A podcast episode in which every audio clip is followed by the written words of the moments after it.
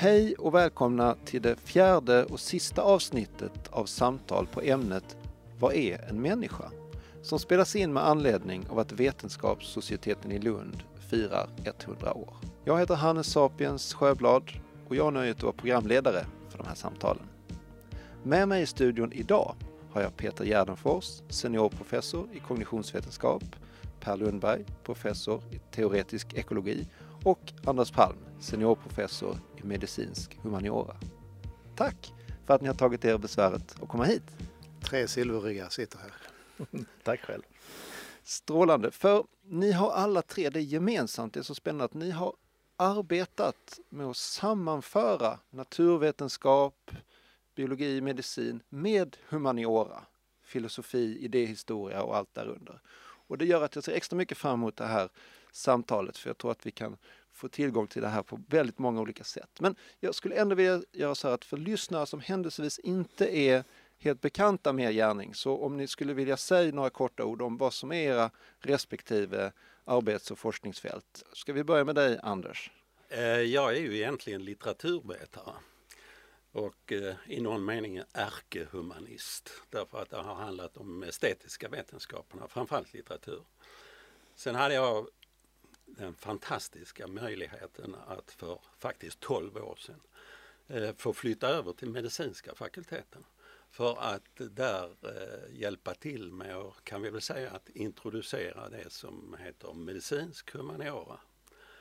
Och som alltså är en benämning som klart markerar att medicin inte är bara en naturvetenskap, det vill säga en science, utan möjligen en, eller i allra högsta grad, en human science. Mm.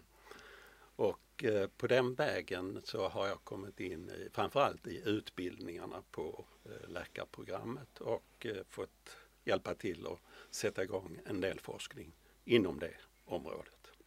Vad roligt. Och innan vi går vidare från dig, kan du också säga vad är det som du tycker är mest spännande just nu? Vad, vad sysselsätter dig hösten 2020? Ja, hösten 2020 är ju klart att då kommer man ju inte komma förbi alla de kopplingar som finns mellan, ska vi säga medicinsk eh, diagnostik, eh, farmakologi, men och det är ju då science-sidan av det, eller den kliniska praktiken av den situation vi upplever just nu. Men så finns det ju, och det är ju framförallt det vi ser i den offentliga debatten, en i allra högsta grad mänsklig sida av detta, det vill säga hur upplever folk den situationen? Antingen de nu är drabbade eller inte drabbade. Mm. Det är klart att det är en fråga som bränner. Mm. Verkligen så. Tack. Eh, per, eh, kort berätta. Ja, jag är ju eh, då evolutionsbiolog egentligen. Jag intresserar mig i första hand för de de allra mest grundläggande delarna i det vi kallar för evolutionsteorin och framförallt dess matematiska och filosofiska struktur så att säga. Men jag har ju också en eh, historia av att vara intresserad av idéhistoria och vetenskapsteori och eh, jag har ett litet sidoprojekt som bland annat handlar om hur evolution, biologisk evolution och biologisk mångfald manifesteras i västerländskt måleri från renässansen mm. till någon gång i slutet av 1800-talet när fotografi börjar bli, börjar bli vanligt. Så jag har, har ett, ett litet sånt intresse. Av, som sagt den här vetenskapsteoretiska eh, även intresset för, för ontologi, alltså vad som finns, de grundvalarna inom min vetenskap, de är väldigt eh, lite beforskade egentligen. Mm. Och då glider vi in på bland annat en sån här fråga som vad är mm. en människa eller vad är en art överhuvudtaget till exempel. Det är inte så enkelt. Det är inte så enkelt. Nej, precis så. Och, så vad spännande, tack. Och Peter, vad, beskriv kort vad du har ägnat dig åt? Alltså kognitionsvetenskapen är i sig ett väldigt tvärvetenskapligt område och jag har väl två huvudforskningsområden. Det ena är semantik, begreppsbildning, hur vi lär oss nya ord och sådana saker. Men det andra är just det mänskliga tänkandets evolution. Vad är det som har gjort att vi skiljer oss så pass mycket kognitivt ifrån aporna som vi gör? Vad är det som har hänt under de 68 miljoner år som vi varit eh, separerade? Eh, så det har jag funderat på eh, ganska mycket. Du frågar hösten 2020, mm. just nu håller jag på att arbeta tillsammans med en arkeolog i Sydafrika över frågan om eh, människans kausala tänkande, hur vi tänker på orsaker mm. och hur detta beror på hur vi börjat använda verktyg av olika slag. Så vi kopplar ihop vad arkeologerna vet om verktyg med vad jag känner till om människans kausala tänkande. Och stämmer det att liksom vårt tänkande påverkas av de verktyg vi har så att det är liksom en ständig utveckling? Tekniken det, det, utvecklar oss? Det är just vår tes och det är det vi försöker för, försvara. Lovande. Um, ja, men vi, vi närmar oss ämnet lite grann men innan uh, vi kanske kommer in på själva frågan, jag tror vi får återkomma till det. Jag skulle vilja fråga dig Anders, uh, vad finns det för folk och tänkare i historien som har försökt svara på den här frågan om vad är en människa? Vad, vad kommer du att tänka på då? Ja, alltså då eftersom jag kommer från de så kallade estetiska vetenskaperna så är det klart att utforskningen, jag ser ju konst som en utforskning av människan och det mänskliga. Och eh, det låter sig ju spåra så att säga längst tillbaka, långt innan faktiskt vi hade ett språk och ett skriftspråk, det vill säga när litteraturen kommer in. Mm. Där har vi ju redan alltså i, i eh, eh dansen, mm. Eh, i bildkonsten. Eh, Venus-statyetterna. Ja, ja, och vi kan gå bort till Altamira-grottan mm. eller alla grottmålningarna. Men det är klart att när vi kommer fram till den punkten i kulturhistorien som ger oss litteraturhistoria så kommer vi fram till det som är mitt grundämne här, nämligen detta och den övertygelsen att det finns ingen mänsklig uttrycksform mm. som så starkt lär oss om människokunskap, livskunskap, erfarenhetsbakgrund. Och denna tilltro till just litteraturen är naturligtvis min drivkraft här när jag så att säga försöker bryta mig in mm. i en vetenskap som vill kalla sig science helst. Mm. Men där jag menar att den är human science. Mm. Och att all litteratur alltså är försök att förstå människan på ett eller annat sätt. Jag ser ju just all på konst. det. Mm. All konst överhuvudtaget har utsagt eller outsagt den ambitionen. Häftigt. Eh, Peter, vad tänker du? Eh, jag tänker Aristoteles som var mer biolog än var filosof egentligen. Han la egentligen grunden till biologin och han var kanske den som först började fundera över liksom vad som särskiljer människorna från de andra djuren. Mm. Och sen kan man naturligtvis inte gå förbi Darwin. Va? Men mm. eh, vi har ju andra filosofer som Descartes som säger jag tänker alltså finns jag. Va? Mm. Ja, jag tycker den, den tesen är ganska överdriven men eh, vi kan ju nämna honom i förbifarten. Han ville hitta en fast punkt för att kunna förstå vad en människa är och mm. han hittade i alla fall ett orubbligt faktum i detta. Yep. Ja. Per, har du någon fundering? Ja, jag vill bara förstärka den här föreställningen om Aristoteles. Eh, han är oerhört central eh, i hela vår kulturhistoria. Men just den biologiska sidan är kanske lite grann bortglömd. Eh, vi, vi tenderar att betona andra delar av, av, hans, av hans värld. Men, men sen eh, tycker jag nog att Darwin ändå förtjänar ett liten understrykning här.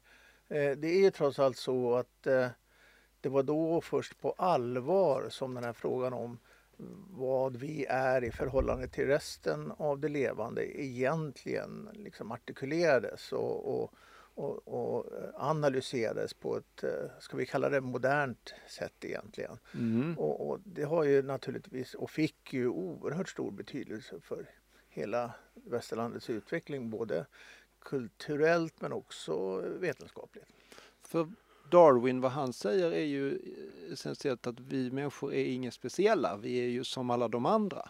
Ja. Innan dess hade det varit mycket enklare ja. att säga vad som är en människa. Nej, det var liksom en skillnad, en gradskillnad snarare än en väsensskillnad då menade han ju från ett slags biologiskt perspektiv. Och det skulle man väl egentligen, och det finns ju de som fortfarande argumenterar för det, att, att det är någon slags eh, väsensskillnad mellan oss och eh, allt annat levande. Mm. Och ur ett slags naturvetenskapligt perspektiv, och klassificeringar och kategorier och annat, så skulle man kanske kunna säga det då. Vi har attribut och egenskaper som vi inte delar med någon annan som mm. Peter var inne, mm. inne på här Vilka också. är det? Peter? Alltså jag bara skjuta in en liten ja. lustig parentes här. Även Linné mm. eh, hade ju idén om att vi skulle bunta ihop aporna med människorna. Så hans första klassifikation var Homo sapiens, den visar människan och schimpansen eh, benämnde han först som Homo troglodytes, den mm. kringvandrande med människan. Mm. Men eh, sen tyckte en del folk, kanske framförallt från kyrkans håll, att det var inte rätt att sortera, bunta ihop människan med schimpanserna. Så att därför fick den heta Pan troglodytes. Eh, jag faller i talet eh, när jag hör Aristoteles och när jag hör eh, Linné och när jag hör Homo sapiens. Och varför det? Jo, alltså detta begrepp Homo sapiens är ju ett av de märkligaste kvardröjande beteckningarna på det mest mänskliga. Nämligen att människan skulle vara vetande eller förstående eller hur många epitet vi nu vill fästa vid detta sapiens. Men vad vi med all fullständig gemenskap framförallt från forskarsamhället kan slå fast, är det något vi inte är som homo så är det sapiens. Det vill säga hela forskningen drivs ju av just detta att vi inte är det. Men vi är heller inte motsatsen homo ignorans, det vill säga vi är inte helt okunniga. Och då har vi de här två ytterpolerna och då kommer ju precis Pers fråga in, vad är vi då istället mm. för ovetande eller vetande? Jo, och då har vi alltså en rad kapaciteter och de vill jag då gärna komma tillbaka till för det har gett mig anledning att fundera ganska mycket i mitt möte med framförallt medicinare, läk blivande läkare. Mm. Vad är vi egentligen och vad är era patienter? Mm. För ni är banne mig inte sapiens, men ni är heller inte ignorans. Mm. Utan ni är något annat och frågan är vad? Djurforskaren Konrad Lorenz, eh, som han fick Nobelpriset i medicin, men han var också en, en god filosof. Han har en gång sagt att jag har hittat den felande länken mellan människan och djuren. Det är vi. jo, nej, det, det, det, är väldigt intressant. Alltså, vi, vi, kan ju då, om vi, om vi slår an den här naturvetenskapliga eh, tonen så, så kan man ju eh, spåra varifrån vi kommer evolutionärt. Vi kan, vi kan också eh, beskriva och karaktärisera hur våra kroppar fungerar. Eh, vi har lärt oss att celler består av en massa komplicerade molekyler. Vi har lärt oss att de här molekylerna består av atomer och de här atomerna består av elementarpartiklar och så vidare i ett reduktionistiskt eh, sätt att se. Och det är så gärna naturvetenskapen opererar. Liksom. Och säga att vad är en människa? Jo, det, det, då skriver man upp alla de här eh, karaktäristika och, och, och, så konstaterar man att eh, allt det vi gör och det vi har för oss och bygger och, och skriver och, och pratar om det är egentligen reducerbart ner till de här eh, elementarpartiklarna mm. för det är där det bottnar, det är det människan är på riktigt. Det är inget annat än en, en fysisk entitet så att säga. Och Deterministisk? Ja, och till, till och med det då. Mm. Och vi har egentligen ingen fri vilja utan vi är ju faktiskt eh, fångade i det här, det här, det här materiella deterministiska fängelset. Personligen tycker jag att det där är struntprat och ett kategorifel man gör eftersom det finns liksom många så att säga, ontologier, många sätt att se vad som och, är och vad som finns. Och vi nöjer oss inte med detta mm. naturvetenskapliga svar helt mm, enkelt. Mm, nej. nej. Om jag, jag får zooma tillbaks lite och jag vill ställa den här frågan till er. Vad behöver vi veta för att ens kunna börja svara på frågan? Vad är en människa? Jag tror inte vi behöver veta så förfärligt mycket. Jag tror vi alla vet vad en människa är. Jag tror alla människor vet eh, vilka, vilka vi är. Eh, och det är alldeles beror på då vad, vad ska vi med det där svaret till? Är det en demarkation med resten av världen? Ja då, då har ju vetenskapen ett, en uppsättning eh, idéer, alltså naturvetenskapen en mm. uppsättning idéer om detta. Och, och, eh, jag tycker att det egentligen inte den stora kritiska frågan. Vi vet alla vad en människa är. Mm. Jag tycker ändå det finns moraliska problem här. Alltså att eh, dra gränsen. Eh, menar, vi har ju en kategorisering, en juridisk kategorisering som säger att en viss människa är myndig, en annan är omyndig. Man tillskriver personen ansvar och en fri vilja. Och sen har vi då moraliska frågor. Hur kan vi hantera andra människor? Hur kan vi hantera andra djur? Och faktum är att en av konsekvenserna av Darwins evolutionsteori var att det var då man började intressera sig för djurskyddsfrågor. För då fanns det ju ingen skarp gräns mellan, mm. mellan djuren och människorna längre. Då, då kom upp frågorna, ska vi hantera med djuren på samma sätt som oss eller hur ska vi dra gränsen? Så det finns en del sådana intressanta mm. gränsfrågor faktiskt. Jag skulle ju då gärna vilja komma tillbaka till där, den här frågan. Mm. Vad istället för Homo sapiens? Eh, för vi är överens om att vi kan inte nöja oss med så att säga den biologiska definitionen av vad en människa är. Det är ju Per och alla hans kollegor väldigt införstådda med att mm. här finns något bortom. Mm. Och, ja, tyvärr är inte alla det, men jag förstår vad du säger. ja, antar det. Ja, det var ett sätt att öppna för alla dina kollegor utan att trampa någon på tårna. Men eh, låt mig pröva då ett begrepp istället för Homo sapiens. Nämligen om man nu håller sig till latinet, för det bör man göra om man ska ut i världen och kritisera Linné för sapiens. Dessutom är det så att sapiens hos Linné är en felöversättning av Aristoteles son logon ekon som betyder alltså den varelse som behärskar logos. Och så är det problematiskt med logos för det betyder inte bara språk utan det betyder insiktsfullhet. Och då är vi inne i en helt annan sfär så att säga. Men alltså ett begrepp som skulle kunna användas som skulle kunna ge anlag till, eller anledning till diskussioner oss emellan hur länge som helst är alltså Homo capax. Det vill säga den mänskliga varelse som har kapaciteter. Mm. Och vilka är kapaciteterna? För det är de som ligger så att säga över och bortom den rent biologiska beskrivningen. Och jag har sen en uppsättning av dem som jag har prövat mm. hela tiden i ett försök att få de som i det, mitt fall är medicinare med en väldigt stark biomedicinsk eh, bas, att säga, att förstå vad är människa, en människa? Under rubriken Vilka kapaciteter har vi som skiljer oss från de apor som Egon till exempel Ja, du, kan väl berätta om Egon, Peter? Ja, precis, Peter, du har ju eh, skrivit mycket om detta. Jag har skrivit en bok som heter Hur Homo blev sapiens. Det, jag, vi kommer jag, har, jag har ju svaret på alla frågorna. Men ja. Egon stoppar jag in, en liten elak uh, rhesusapa som är min... Dels är han diskussionspartner, dels är han min kritiker när jag är för, för människocentrerad och dels är han mitt försö, försöksdjur. Så han finns som en sorts karaktär i den här boken. Jag har försökt att vara Egon när jag läser vad du skriver. Eh, Peter, precis, du har ju skrivit den här fantastiska boken. Eh, men hur skulle du säga, hur blev vi Sapiens? För de som inte har läst den. Nej, jag skulle gärna vilja veta vad, mm. vad Anders har för kapaciteter här. Men för, mm. för de, flesta, de flesta vill ju ha fram språket. Vi mm. använder här och just nu våra mm. munnar till mycket annat än att tugga med. Va? Men eh, det är inte bara språket utan det har hänt saker före detta. Va? Och i min uppfattning, och det är ju en central tes i den här boken, är det liksom vår, tid, vår förmåga att tänka på framtiden. Att vi har en framtid som vi förhåller oss till. Mm. Eh, och det finns i viss mån hos en del andra djurarter som kan tänka över vilken frukost de ska ha imorgon. Man har gjort experiment med schimpanser och med nötskrikor eh, på detta och de kan planera för, för morgondagen. Men vi planerar ju för vår ålderdom och för vintern, jag menar väldigt långa horisonter.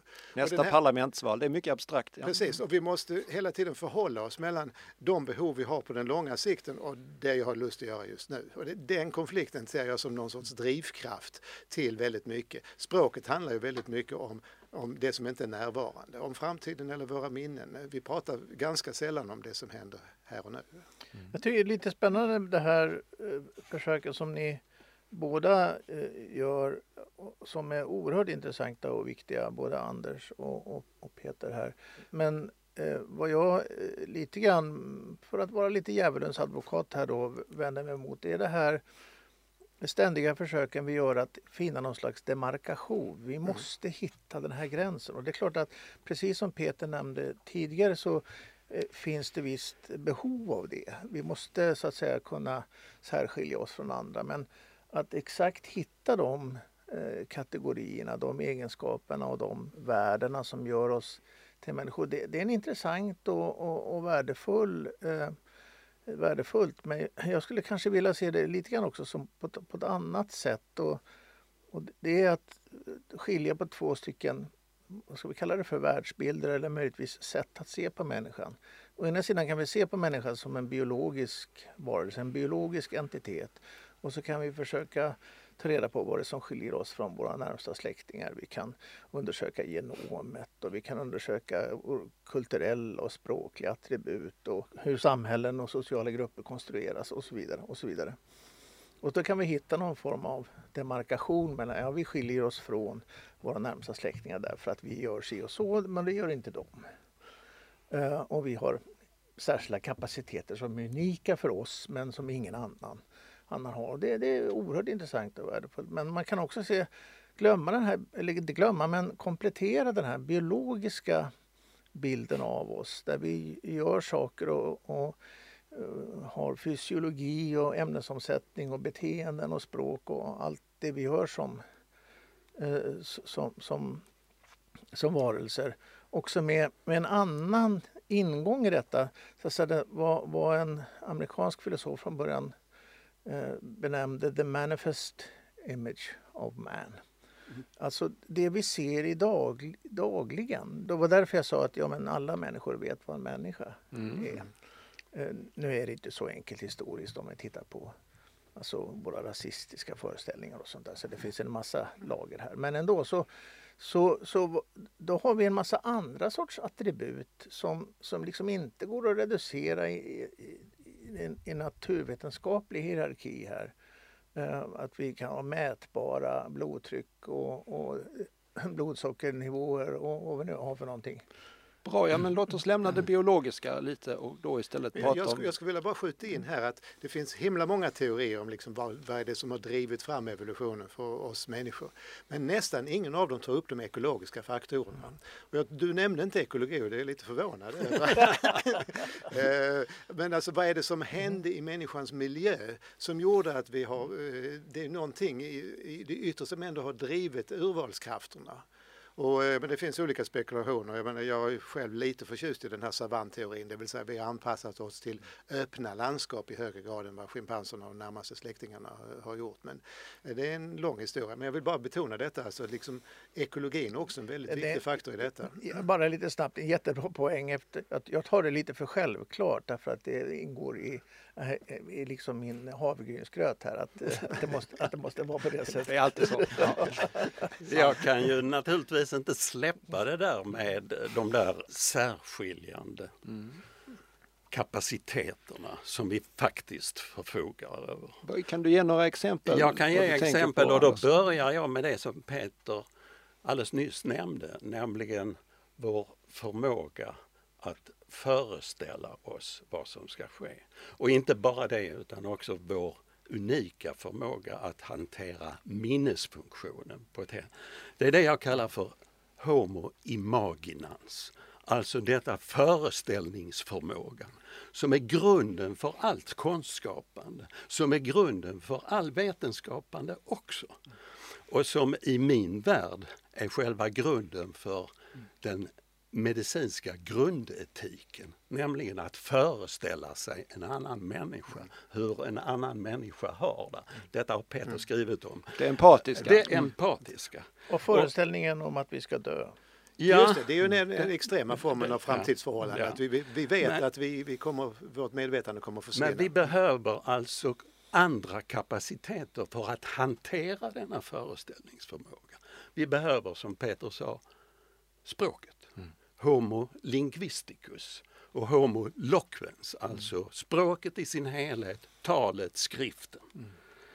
Och i det finns en möjlighet att inte bara använda språket i mycket enkel mening så att vi kan kommunicera, utan framförallt kan vi berätta. Homo narrans. Och det är inte något som är litteraturvetenskap bara, utan det är den värld vi lever i. Så fort vi träffas så börjar vi alltså berätta. Och vi har dessutom då, för att berättelserna överhuvudtaget ska kunna fungera, så har vi tolkningsförmågan.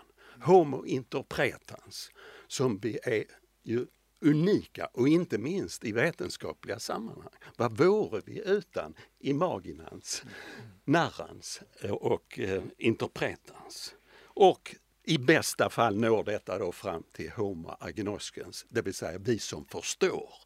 Därför att vi har de här kapaciteterna. Och så har jag en kategori till bara. Och den ligger mig närmast om hjärtat, nämligen Homo sentiens, som väldigt gärna kommer bort i de här sammanhangen. Nämligen den kännande människan, som ju också är en konstans hos oss som vi naturligtvis delar med djuren, men inte i kombination med de andra kapaciteterna. Så eh, eh, vi skulle haft Linné här och så skulle vi ta ett snack med honom om Homo sapiens. Dekonstruerat Homo sapiens grundligt. Vilken fantastisk uppdelning och visst alla de här aspekterna finns ju i oss och de är ju helt essentiella för det upplevelsen av att vara människa. Mm. Nej men det är, väl, det är väl alldeles utmärkt och jag tycker att det, det är viktigt att, att, att betona det. Och, och det, det, det Anders pratar om också det är ju att illustrerar är ju att det här är väldigt mångdimensionellt. Det går längs många dimensioner på något sätt. Det handlar liksom om kognitiv mm. kapacitet men också emotionell kapacitet. Och, och, och det, där, det där gör ju till att vi egentligen blir vad man ibland brukar kalla för person. Alltså vi är mm. personer.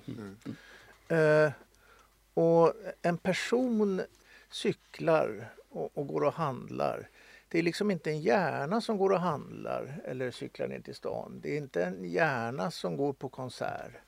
Eh, eller det är inte benen som hoppar höjd. Utan det är liksom en person. Det är en helhet. Det är en helhet som, som, som gör det. Och, och den finns ju liksom inte annat än som egentligen, ja, våra kroppar finns ju och våra medvetanden finns och allt det där tillsammans så kallar vi för en person. Men det är egentligen en ganska abstrakt sak egentligen som naturvetenskapen bara liksom inte kan fånga. Mm. Naturvetenskapen kan beskriva eh, alla de här kroppsliga delarna och, och kanske också vissa interaktioner me mellan oss. Men, men eh, det här personhood, mm. mm. personheten, liksom, den, den kan inte den riktigt fånga. Det här hänger ihop med vår upplevelse av ett jag, någonting som är mm. kontinuerligt över tiden som vi kanske delvis kopplar till kroppen eller ja, kanske inte. Eh, jag hänger upp mig på det Anders pratar om att, att berättandet är unikt för, för människor och man har försökt lära schimpanser, gorillor och andras eh, teckenspråk. Tala kan de inte så bra med teckenspråk. Och de lär sig några hundra tecken, kan kommunicera om vad de vill här och nu. Va? Men de berättar aldrig någonting. Och, och Inom kognitionsvetenskapen så skiljer mellan tre typer av minnen. Det procedurella minnet som handlar om uh, att göra saker, att lära sig cykla, att lära sig knyta skorna. Det semantiska minnet som lär sig när man lär sig klassificera om någonting är ätbart eller inte ätbart till exempel. Och så är det episodiska minnet som handlar om att komma ihåg episoder och det här hänger faktiskt samman med just orsakstänkandet ganska mycket. Och det finns mest utvecklat hos människor. Vi ser spår av det episodiska minnet hos, hos de stora aporna. Men vi har utvecklat detta mycket mer extremt och det är grunden till vår förmåga att berätta. Mm. Och som ett paraply över detta så har vi just imaginationen, det vill säga att vi kan föreställa oss. Det kan komma bakifrån och det kan komma i nuet och det kan komma framåt. Och som sagt jag kommer gärna tillbaka till konsten för hade de inte haft imaginationen så hade vi inte haft någon konst överhuvudtaget. Och vi hade faktiskt inte haft någon kultur heller. Nej, kulturen är, är onekligen väldigt central också i förståelsen vilka vi är. För vi är det biologiska skiktet, det kulturella och det psykologiska. Alla de här som vi tar upp. Och kulturen är ju en output från oss men det är också när vi tar till oss historierna, berättelserna, mm. bilderna från allt det som har varit som vi också får en bättre förståelse för vad vi är. Jag eh, skulle vilja nu, tyvärr så eh, tiden springer på. Eh, men, och jag skulle också vilja lägga till en aspekt eh, som sysselsätter mig och många andra som arbetar med teknik och innovation och genteknik och artificiell intelligens och liknande. Att, nu om vi börjar närma oss en förståelse vad som är en människa, det är ett biologiskt eh, fenomen som vi känner till men det finns också lager av potential som är mycket större ovanpå detta. Men var är vi på väg? Om Homo sapiens bara är den felande länken eh, mellan eh, djuren och någonting. Vad är då detta någonting? Vad har ni för tankar kring det här? Alltså vi har ju skaffat oss, delvis genom kulturen men också genom eh, senare vetenskap och så vidare, en, en uppsättning verktyg av alla olika sorter. Vi börjar med de allra enklaste stenverktygen och förmodligen har haft pinnar att gräva upp mat med och så vidare. Och vi har lärt oss att hantera de här verktygen och, för, och förstärka våra förmågor på det sättet. Och på ett, eh, enormt sätt. Vi har sen fått liksom förstärkningar av minnet med texten, förstärkningar av ögonen med glasögon, förstärkningar av hörseln, bla bla. Vi har liksom förstärkt våra sinnen. Och modern teknik går vidare på detta och vi har ju en, en, egentligen en schweizerkniv i, i förstärkning som heter mobiltelefonen eller smarttelefonen som innehåller en enorm massa förstärkningshjälpmedel för våra tankeprocesser. Mm. Kanske inte så mycket för våra fysiska processer, inte så mycket för våra emotiva processer, jag vill inte gå in på det. Men eh, kognitivt är detta en enorm förstärkare. Och där fanns ju ett begrepp för det också i den här, det här panoramat att epitet, ge homo ett epitet. Homo faber. Mm. Det vill säga det var just de som kunde tillverka rent hantverksmässigt. Men Homo faber har kommit i skymundan med all rätt. Nu heter det Homo technologicus. Mm. Det vill säga den nya tekniken som är grunden till exempel för den artificiella intelligensen. Och i bilen hit hörde jag, vart går det, det kemipriset? Mm. Jo, det går till de som uppfann och där är de tvungna att ta till en metafor, gensaxen.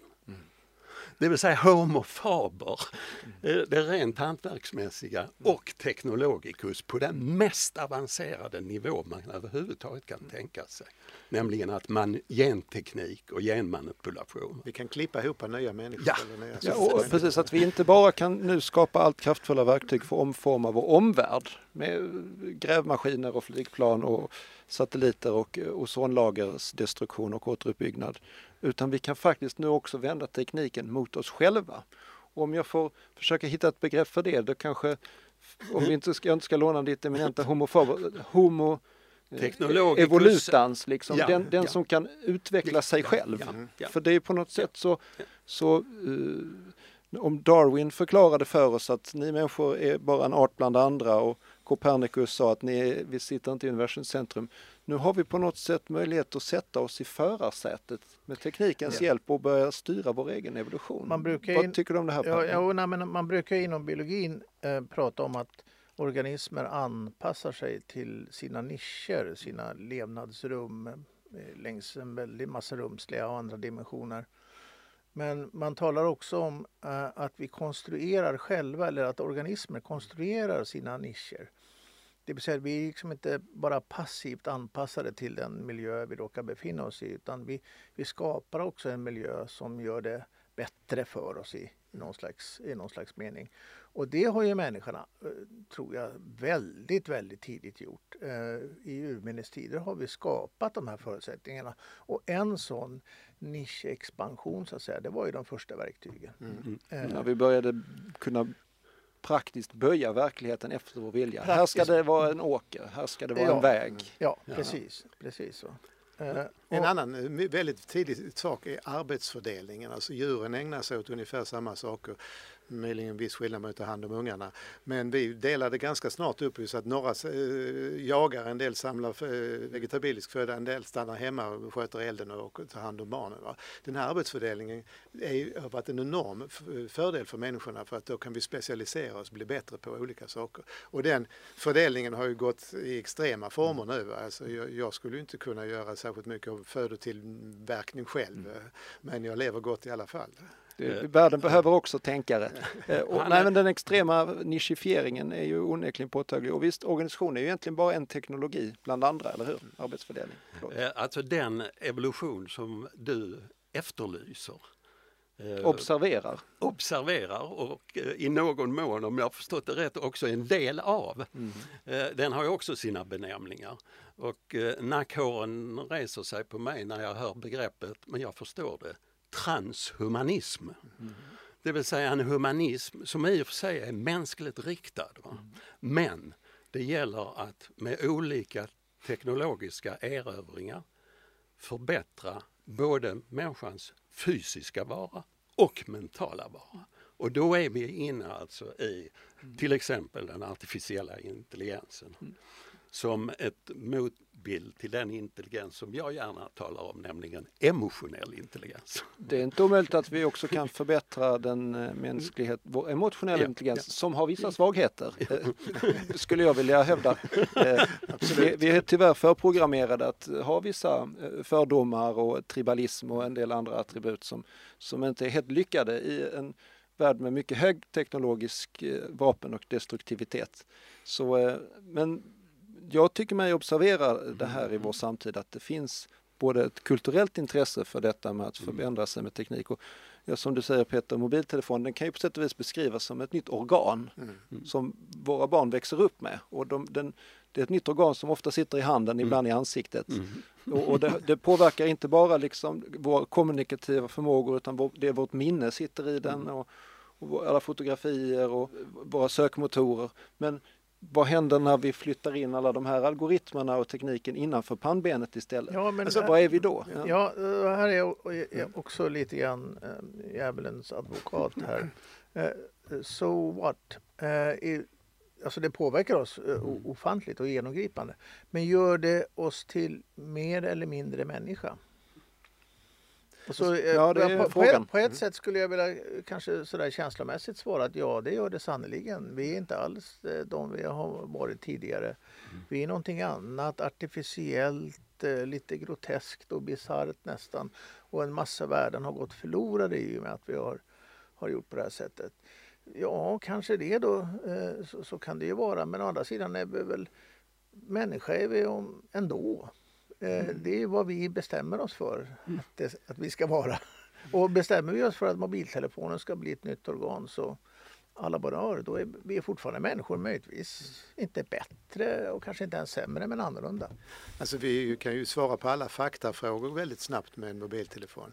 Men det gör ju inte att vi begriper det. Vi eh, läser Så, den här förståelsefrågan. Men alltså du ställer frågan vad händer när vi sätter alla de här grejerna innanför pannbenen? Och jag ställer då frågan vad sjutton ska vi ha dem innanför pannbenet? För? Varför räcker det inte med att ha den i handen? Vad är det, vad är det för vits med att ha det liksom inopererat? Nej, det kan man i högsta grad diskutera. Det är väl mer en illustration för när det inte bara är ett verktyg i handen utan det faktiskt integreras till exempel med nervsystem. Ja, men som vi kan ha hörselimplantat idag som ju faktiskt kopplar direkt in till hörselnerven och, och, och, man tar bort det så är det ju som att bli av med en kroppsdel för de som får vara med om det.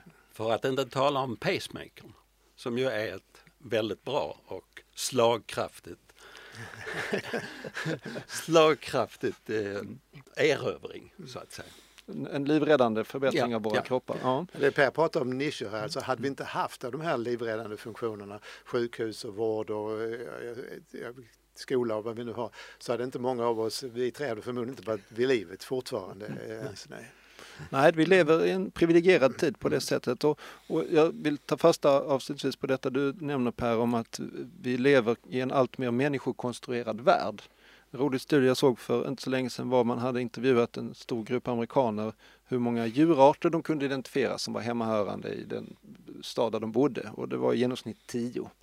Men eh, samma eh, grupp eh, försökspersoner kunde identifiera mer än tusen varumärken utan större problem. Så vi lever redan i en mycket av, av liksom oss själva konstruerad värld och, och vi vi är på väg in i en ytterligare fas av detta nu när vi också börjar använda oss allt mer av sån här virtual reality och augmented reality. Nu, nu kan vi måla eh, internet på verkligheten framför oss och människor kan se annorlunda ut och vi kan få information om alla objekt omkring oss. Då, då lever vi i en totalt artificiell värld och min eh, tanke är att vi, det, det är ju överväldigande på många sätt den här utvecklingen. Och är vi anpassade för detta? Kommer vi att behöva anpassa oss själva genom att då uppgradera eller förändra oss själva för att överhuvudtaget kunna trivas i den här eh, hyperuppkopplade världen som, som just nu håller på att ta form. Med anpassning här så får man ju vara lite försiktig. Det är så att säga två saker som det begreppet egentligen kan, kan betyda. Det kan betyda biologisk anpassning i evolutionär mening. Och då, då är det ju eh, så att då har, då har eh, en populations karaktärsvärden förändrats på grund av ett selektionstryck längs en eller flera, flera dimensioner. Eh, och det är alltså så den biologiska anpassningen. Det är egenskaper vi har som går i arv och som, som gör att eh, vår avkomma kommer att eh, vara annorlunda och i, i många fall då bättre anpassad till, till den miljö som för närvarande råder. Eh, det är så att säga den, den strikta evolutionsbiologiska definitionen på anpassning. Sen brukar vi ju använda oss av det så att jag anpassar mig till temperatur i, i det här rummet genom att ta av mig tröjan. Eh, det, det är så att säga en annan slags anpassning och det är väl kanske i första hand den man tänker på när vi ska anpassa oss till det här högteknologiska, hypermoderna mm. samhället. Det är att ta av eller på sig tröjan så att säga. Eh, jag men, tänker i, mer, i den mer djupgående betydelsen men, anpassning. Och i den mer djupgående så definitivt. Vi anpassar oss för varje generation anpassar sig till, till alltså evolutionen av människan har ju liksom inte upphört eh, med Darwin utan den fortgår ju precis på samma sätt som den alltid har gjort. Eh, Eller rent av accelererad? Längs vissa dimensioner så har den accelererat. Då har det så kallade selektionstrycket då blivit ännu mm. större. Mm. Och det har blivit släppt längs andra dimensioner. Det finns till exempel vissa fysiska egenskaper som vi inte längre egentligen behöver och som det inte finns en stark selektion mot. Till exempel att mm. kunna se bra när man blir lite äldre och sådär. Det, så att absolut, men det tycker jag är viktigt att betona att ja, evolutionen pågår ständigt. Ehm, generation efter generation ser lite annorlunda ut längs olika dimensioner beroende på var de här selektionstrycken är som starkast. Då. Men numera går den kulturella evolutionen betydligt snabbare. Och den går ju, än, den går ju ännu snabbare. Och den går alltså du, du tar upp detta hur vi ska komma och förändra oss som människor och transhumanismen fokuserar ju väldigt mycket på hur vi som individer kommer att ändras. Men jag vill gärna se att en av de viktigaste egenskaperna hos människan jämfört med andra djur är att vi är bättre på att samarbeta. Vi har mm. olika former av samarbeten som vi inte hittar hos djuren. Framförallt samarbeten om framtiden. Mm. Vi mm. bygger hus, vi bygger skydd, vi bygger brunnar, vi bygger försvar, eh, massa grejer som gör att vi har en bättre miljö. Vi bygger nischerna tillsammans. Mm. Mm. Eh, och då är frågan hur kommer tekniken att hjälpa oss att samarbeta bättre? Mycket fokus har varit på den individuella sidan telefonerna, mobiltelefonerna är ju från början ett samarbetshjälpmedel och det fungerar de fortfarande. Så vi har ju mycket lättare att, att samarbeta över avstånd eh, nu än vad vi haft eh, tidigare och det ger ju enorma fördelar. Men jag skulle vilja fundera mer på vad kan det finnas för teknik som hjälper oss att samarbeta? Mm. Vi har ju sociala medier som kanske egentligen har lett åt andra hållet till en mycket större tribalisering, en polarisering av, av människorna eh, och jag skulle vilja hitta motverktyg mot detta men mm. jag har inga lösningar det pågår en eh, rasande snabb dialektisk utveckling när, mellan olika sociala medier, hur de utvecklas, växer upp, försvinner, det kommer lagstiftning. Men eh, eh, jag tror att du sätter fingret på något väldigt intressant. Det är egentligen den kollektiva uppgraderingen av mänskligheten som kommer göra verklig skillnad. Våra institutioner, våra, vårt sätt att förmedla information, vårt sätt att dela kunskap. Och det är väldigt bra att det inspelet kommer nu när eh, vi är på väg kanske att sluta. Därför att eh, alltså de intelligenser vi har nämnt, det är den artificiella intelligensen, den emotionella intelligensen, men den sociala intelligensen. För det är det som omfattar så att säga hela samhället eller hela kulturen. Och där är ju så att säga konsten och eh, konstarterna en del av att skapa en social eller som uttryck för vad som man vill ska vara en social intelligens. Mm. Och en social samhörighet. Ja, ja.